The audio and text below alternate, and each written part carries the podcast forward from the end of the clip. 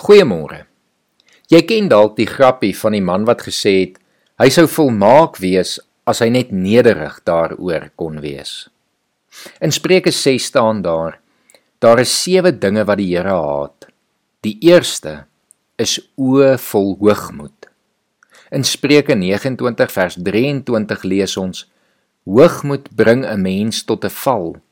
Nederigheid bring eer.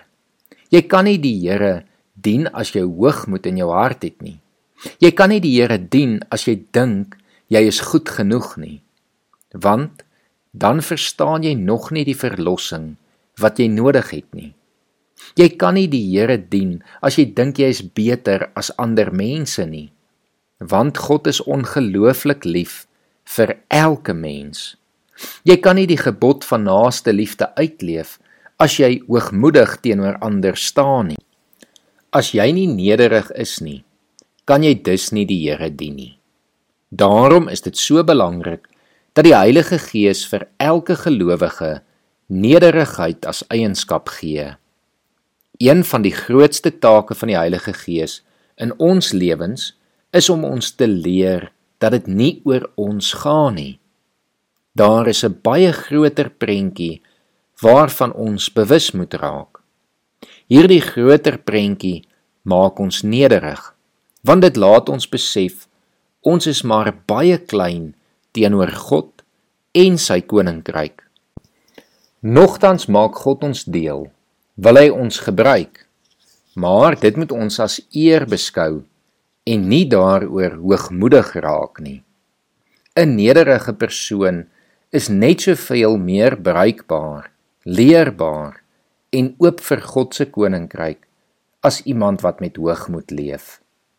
Vir die hoogmoedige gaan dit oor homself, gaan dit oor wat vir hom die beste is. Maar soos ons in Spreuke gelees het, bring dit dikwels die persoon tot 'n val. 'n Nederige persoon kan met dankbaarheid erken dit is nie ek nie. Kan God die eer gee en kan God dien. Uiteindelik gaan nederigheid daaroor om Jesus se voorbeeld na te volg. Hy het in nederigheid homself as dienskneg aan ons gegee en gesê ons moet dieselfde doen. Hy het nie gedink hy is te belangrik om sy disippels se voete te was nie. Hy het nie gedink hy is te belangrik om vir ons gebore te word en te sterf nie. Nederigheid maak jou diensbaar vir God en vir jou medemens. Ek hoop en bid dat jy na nederigheid as eienskap en vrug in jou lewe sal smag en dit najaag onder leiding van die Heilige Gees. Ek wil afsluit deur vir ons Filippense 2 vanaf vers 5 tot en met 11 voor te lees. Dieselfde gesindheid moet in julle wees wat daar ook in Christus Jesus was. Hy wat in die gestalte van God was, het sy bestaan op godgelyke wyse nie beskou as iets waaraan hy hom moes vasklem nie. Maar hy het homself verneder deur die gestalte van 'n slaaf aan te neem en aan mense gelyk te word. En toe hy as mens verskyn het het hy homself verder verneder. Hy was gehoorsaam tot in die dood ja die dood aan die kruis.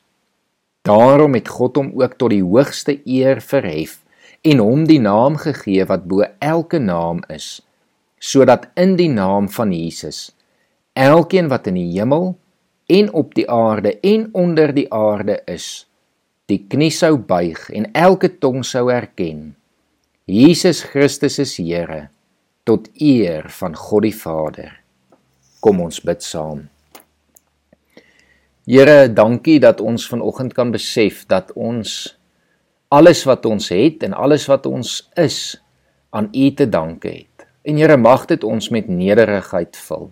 Here mag U deur U Gees van ons nederige mense maak wat in nederigheid U dien en ook so ons medemens. Kom lei ons vanoggend deur U Gees in Jesus se naam. Amen.